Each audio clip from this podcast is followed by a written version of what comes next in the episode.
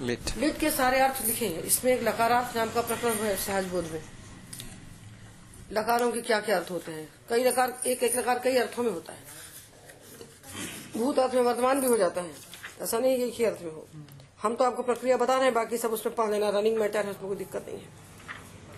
तो परोक्ष लिट सामान्य सूत्र यही है कि परोक्ष भूत में लिट लकार होता है, परोक्ष भूत अर्थ में।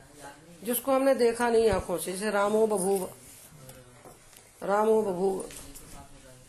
महाभारत युद्धम बभूव। इस अर्थ में लिट किया तो किससे किया? धातुओं का अधिकार। ये ले लो। ले लो ले लो। एक तो पानी नहीं पी। महाभारतम बभूव। अब देखो। परोक्षे लिच तृतीय अध्याय के प्रत्यय है। तृतीय अध्याय में तीन जगह धातु शब्द कहा गया है। पहला धातु है पांचवा सूत्र। देखो। पांचवा छठवा है छठवां सातवां छठवां होगा। धातु कर्मणा समान कर्तिका इच्छायाम वा। देखो। कर्तिका इच्छायाम वा। इसका बाईसवा सूत्र है धातु को कहते हैं। फिफ्टी थ्री पेज देखो फिफ्टी थ्री फिफ्टी फोर फिर ट्वेंटी टू धातु रेखाचो हलादे क्रिया स्वयं यहाँ से धातु चला। इसमें धातु इतना एक देश का अधिकार चलता है। पूरे सूत्र में से इतने हिस्से का अधिकार चलता है। ये कहाँ तक जाता है? नब्बे तक। और फिर इक्यानवे में ती, तीसरा धातु आता है। ये धातु हो। ठीक है? धातुओं के अगर जो प्रत्यय होते हैं वो सब धातु से होते हैं। Ninety one. दिखा दो उनको। धातुओं के अगर जो प्रत्यय होंगे जैसे धातु आया ये। ये धातु। और ये कहता है बोलते चौ इसका मतलब होता है धातु बोलते चौ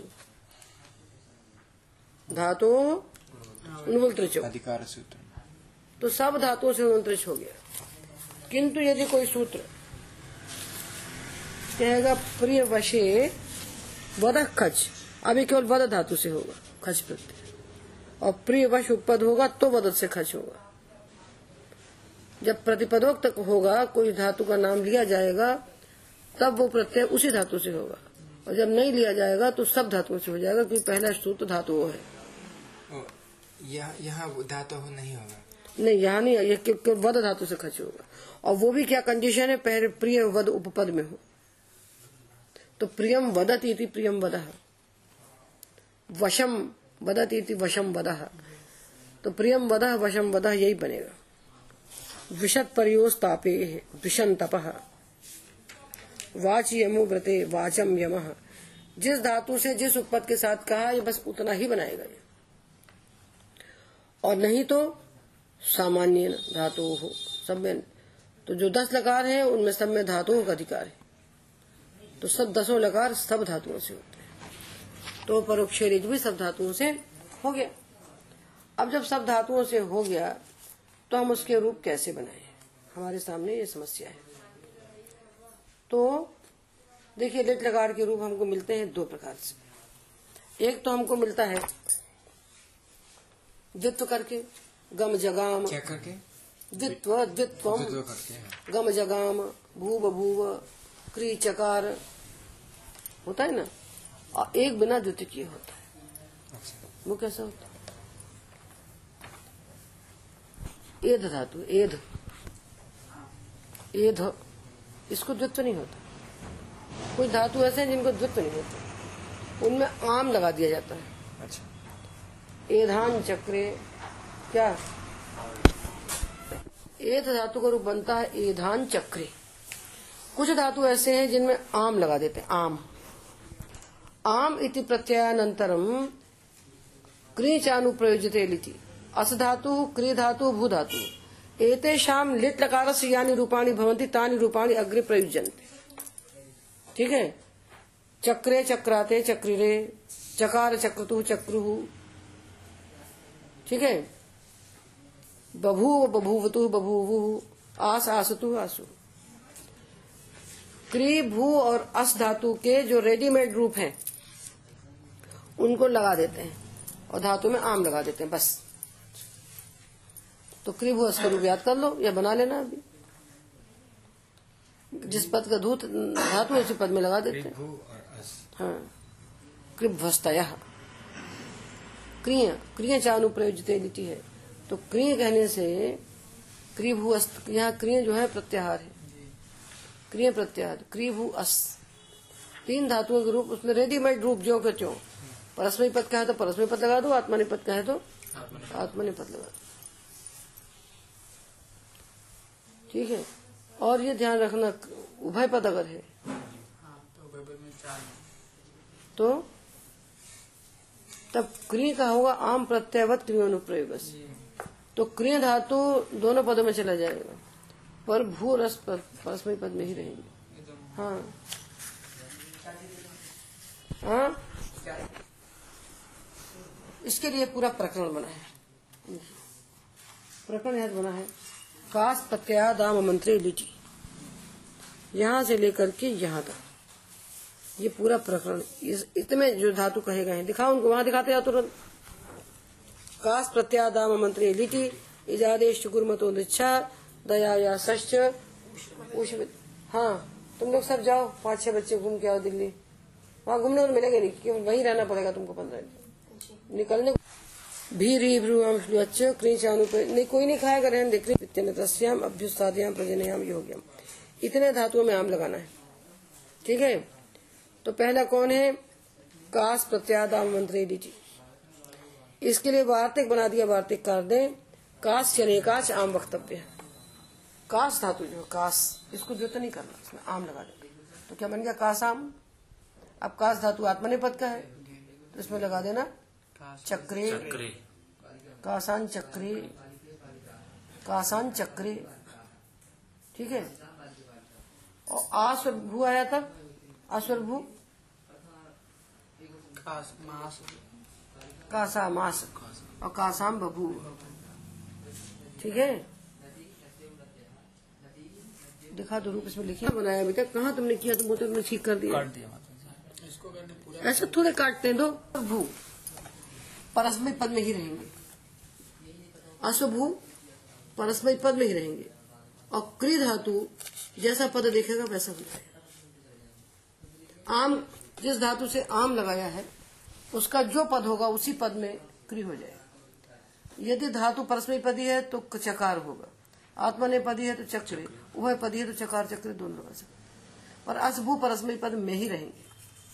इसके दोनों पद में हो गए। समझ गए? अपनी पुस्तक में ठीक कर हैं, देख लो इसको। इसको देख लो। हाँ हाँ।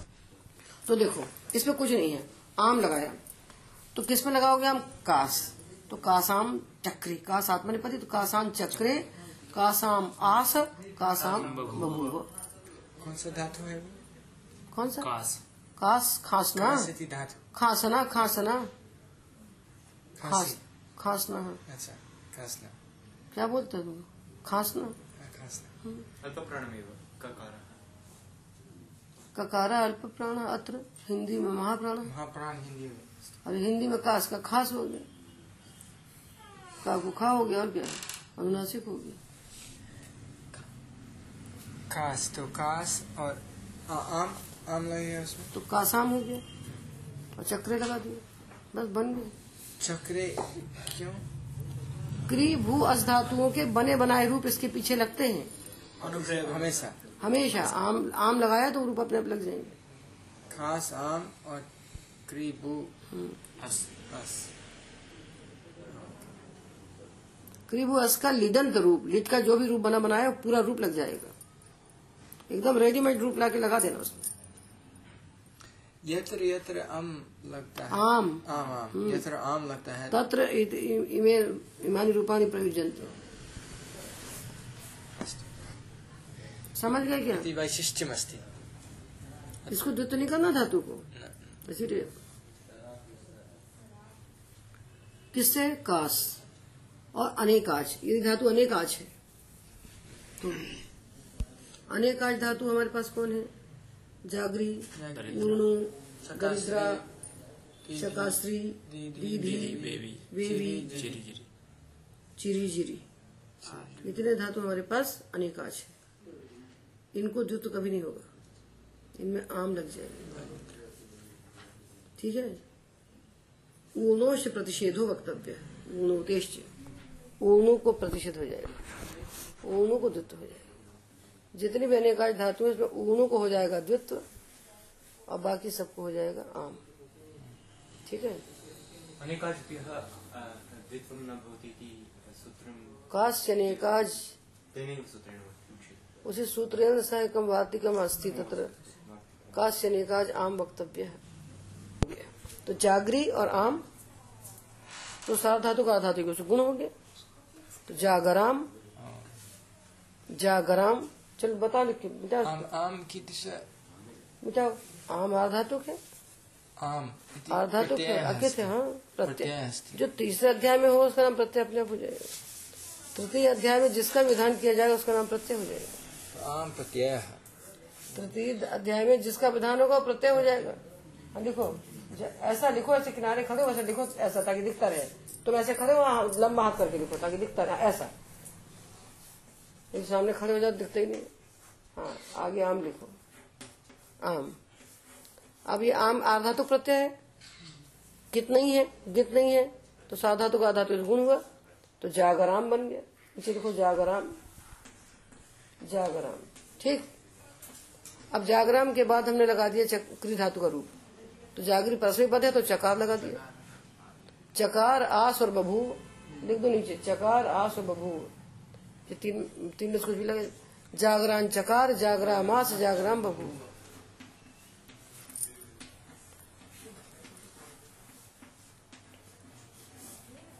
तो धातु द्वौ धातु एकस्मिन् तीन है। हाँ देखो एक बन गया काय को एक हो गया वो। अब अलग धातु थोड़े हैं वो।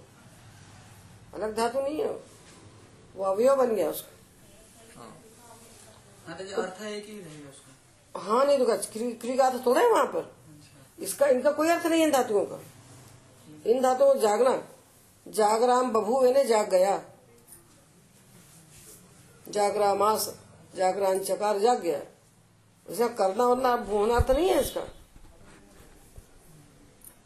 जागराम बभूव जाग गया। धातु का वही अर्थ रहेगा ना प्रयोग का कुछ अर्थ नहीं रहेगा। हाँ, इसका इसका कोई अर्थ नहीं है। इसका कोई अर्थ नहीं है। वो सब मिला के जागराम आस यानी जाग गया। ठीक है? क्या बोलते हो? तुम लोग जाग गए तो भू भू अस और क्री क्री एकस्मिन् अर्थे अथवा अलग अलग अलग वो धातु का जो अर्थ है उसी अर्थ में जाएगा वो। हाँ किंतु उसी धातु में यदि उस धातु में साथ जाएगा वही उसका अर्थ होगा। इनका कोई अर्थ नहीं होगा स्वतंत्र। हाँ किंतु अस लगाएँगे भू लगाएँगे कृ लगाएँगे तो भी है। तो तुम्हारा ऑप्शन है क्या लगा? किंतु तीनों का एक ही क्योंकि अपना अर्थ तो नहीं है। नहीं अब वो धातु का अर्थ में चलेगा। जागृत धातु के वो अर्थ है। अर्थपूर्ण है। और बाकी तीन जो असबू और चक और कृ कुछ नहीं वो उसी का अवयव बन गया पूरा रूप जो बना उसका अवयव है वो। तो अगर क्र लगाएँगे अथवा अस लगाएँगे तो भी वो एक ही चीज़ है। एक ही वही तो बता रहे हैं। एक ही चीज़ है। उनका अर्थ ही नहीं है ना कुछ है ही नहीं वो। अर्थ नहीं है लेकिन कुछ भी लगा दो। कुछ भी लगा दो। तुम्हारा ऑप्शन है क्या लगाना चाहते अच्छा। अच्छा। तुम्हारा ऑप्शन क्या लगाना चाहते हो? लगा लो। समझ गया। ठीक है इनके रूप तीनों के रूप गई है ये बन जाएँगे। इनको लगा दिया। अच्छा बहुत सरल है इसमें कुछ नहीं करना। अच्छा। ठीक है। जागराम बभू जागराम आस जागराम चकार। एध आएगा एध। तो एधाम चक्रे। आत्मने पदी है। एधान चक्रे किंतु आस बभू जो है ये परस्मी पदी रहेंगे। एधान चक्रे एधाम आस एधाम बभूव। ठीक है? एधान चक्रे एधाम आस एधाम ठीक है? अब हमें केवल ये देखना है किससे लगता है ये। तो काश धातु से लगेगा अनेकाश धातुओं से लगेगा और इजादेश गुरु मतों इच्छा धातु के आदि में इच्छ हो और गुरुमान धातु हो। उसमें गुरु हो स्वर। गुरु। गुरु क्या हो? दीर्घ स्वर।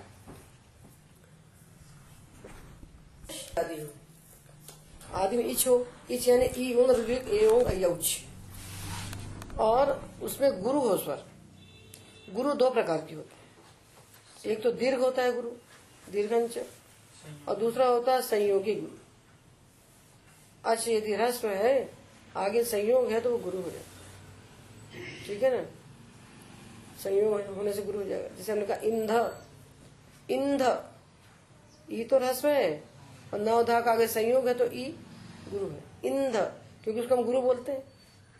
वो ना जो आधा है उसका वज़न इस पे भार इस पे आ जाता है। तो गुरु हो जाता है। हम जो बोले तो लिख के दिखाते हैं फट फट बैठो बात तुम तुम्हारा पढ़ा हुआ है। इस किनारे खड़े होकर लिखो ताकि दिखता रहे उनको। इंध मतलब इंद में इकार का गुरु संज्ञा हो जाएगा। गुण कहाँ हाँ इकार गुरु संज्ञा हो जाएगा। गुरु संज्ञा। हाँ? लेकिन दीर्घ इकार तो नहीं होगा। दीर्घ इकार दीर्घ नहीं होगा। दीर्घ नहीं होगा, संज्ञा उसकी गुरु हो जाएगी। तो ये ये गुरु है। और ईज लिखो ईज। ये गुरु है। ये दीर्घ होने से गुरु है, और वो संयोग होने से गुरु है। उंदर। अरे क्या पता कौन है रे? ये गुरु है। ठीक है? उंख। उंख ये संयोग होने से गुरु है। और एध एध एज देखते जाओ। बेटा ऐसे खड़े हो कि हमको दिखता रहे तुम्हारे इतना एध अनंत करो। एज ये सब गुरुमान है।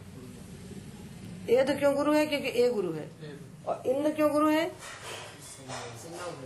किसका? संयोग के पहले ही है। संयोग के पहले जो होता है अच वो गुरु हो जाता है। रस है तो भी गुरु हो जाएगा। ये कहलाए इजाद गुरुमान। कैसा गुरुमान चाहिए? अब लिखो अंत। अंत। ये गुरुमान है? है? है। आकार गुरु।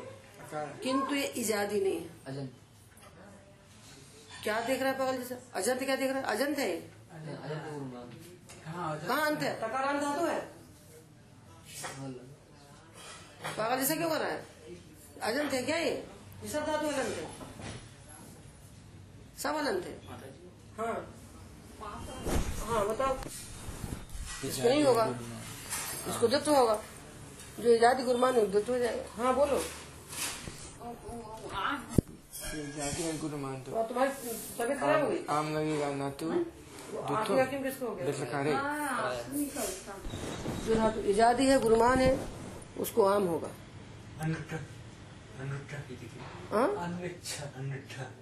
अंध्रिच्छा अनृच्छा रिछ को छोड़कर। अनृच्छा देखो रिछ रिछ धातु भी आदि गुरुमान है किंतु उसको छोड़ देना। इसको आम नहीं होगा। आम नहीं होगा तो दित हो आंध्रच्छ बनेगा ठीक है? अगला सूत्र है दया या सश्च। दय अय और आस इनको भी आम होगा। तुम आगे पढ़ाओ पूरा प्रकरण करो कराओ पूरा प्रकरण। लेकिन माता जी इसमें एक मेरा संदेह हमसे बकबक नहीं करना। पढ़ाने का समय शुरू हो गया। तो सूत्र आया नहीं ना अभी तो जागृति की तरह श्याम से हाँ क्या है? उसमें ये दोनों धातु अदंत है उष धातु और विद धातु। हाँ तो दोनों अदंत है। उष्णी अदंत है। उष अदंत नहीं है। उष नहीं है विद अदंत है। उष अदंत नहीं है विद अदंत है। उष से उशान चकार बनेगा। और विद से विदान चकार बनेगा। चलो। हाँ, चलो कराइए। कराइए आगे पूरा। तृतीयाध्यायी प्रथमपादः सूत्रं शत्रुंशत्तमम् अजादिश्च गुरुमतो निवृच्छः इजादी धातु हो, और गुरुमान हो। ठीक और इच्छा धातु को छोड़ करके इच्छा धातु हो तो ना हो उसमें उसमें आम होता है।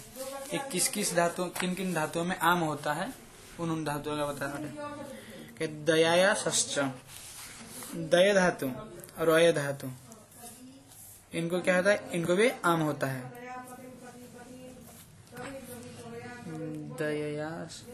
दया और आस आस उपवन दय धातु, अय धातु और आस धातु।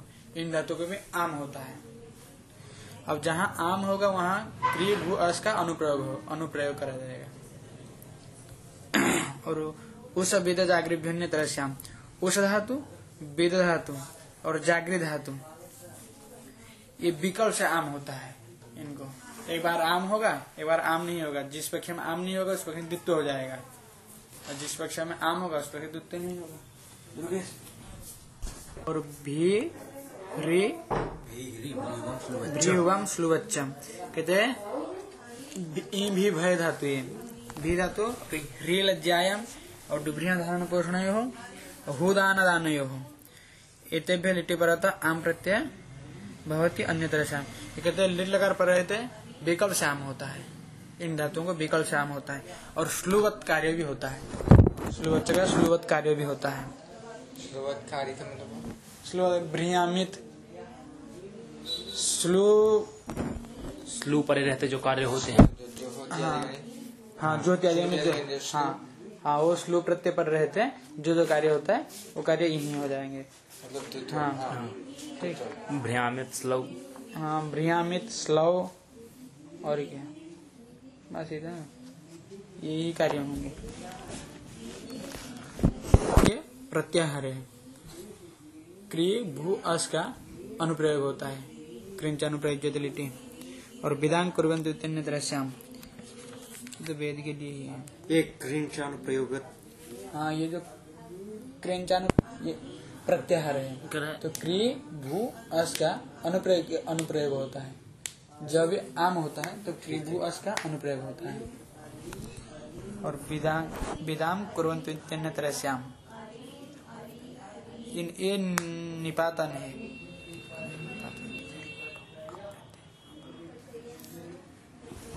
ये विकल्प से होता है निपातन है। ये ये निपातन और इसमें भी है देखिए ये धातु। उस सभ्यता जागृत भिन्न तरह से आम वो विकल्प से होता है। एक बार आम लग, आम प्रत्यय लगेगा एक बार विकल्प से द्वित्व भी होगा। ठीक? और कौन सा? ये। विदाम कुरबंत इतने तरह से ये भी तो करता है लेकिन ये वेद में करता नहीं पाता नहीं। और आम और दुत्व एक साथ कभी रहता नहीं। नहीं कभी नहीं रहता। है लेकिन ये उस सभ्यता जागृत भिन्न तरह से हाँ ये स्लोवत कार्य करता है। तो वहाँ दत्त हो जाएगा हाँ हाँ यहाँ द्वित्व हो जाएगा। आम और दुत्व दोनों एक साथ?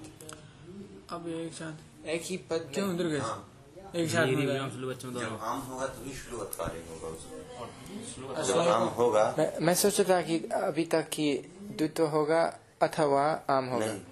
जब आम होगा तभी उसे नहीं सर ये इतनी धातुओं में दुत्व भी होगा और आम भी होगा। भी भ्री हरी भ्री ये सूत्र है ना? होगा, जब भी तभी श्लोक कार्य होगा। अर्थात श्लोक कार्य द्वित्व होना भ्रियाम इत्यादि। इत्यादि तो तो कैसे एक रूप में बदला तू? भ्री धातु हाँ। भ्री धातु से हमने लगाया आम। ठीक। भ्री आम। तभी ये श्लुवत कार्य हुआ तो क्या श्लुवत हुआ? द्वित्व हुआ तो भ्री भ्री हुआ। श्लुवत कार्य हुआ कि इसे भ्रियाम इत से विभ्री हो गया। विभ्री। और आम गुण होकर के विभ्रान चकारा विभ्राम विभरान चकारा विभ्राम चकार बस केवल इतने ही धातु में भी लिखा है भ्री है ना? नहीं भी। ई भी भय तो क्या विभरान चकार बनता है? हाँ विभरान चकार विभरान चकार और ये उस वेद जागृत भिन्न तरह इसमें विकल्प से आम भी होता है और वो भी होता है द्वितीय भी होता है। और जिन जिन धातुओं में आम लगता है उसमें द्वित्व नहीं होता है। जिनमें द्वित्व होता है उनमें आम नहीं लगता है। ये चार एक प्रकरण है। ये चार ही धातुओं में द्वित्व भी होता है और आम भी लगता है। इसके सिवा कोई भी धातु में आम जिसमें आम लगेगा उसमें द्वित्व नहीं होगा। अब ये देखिए काश प्रत्यय।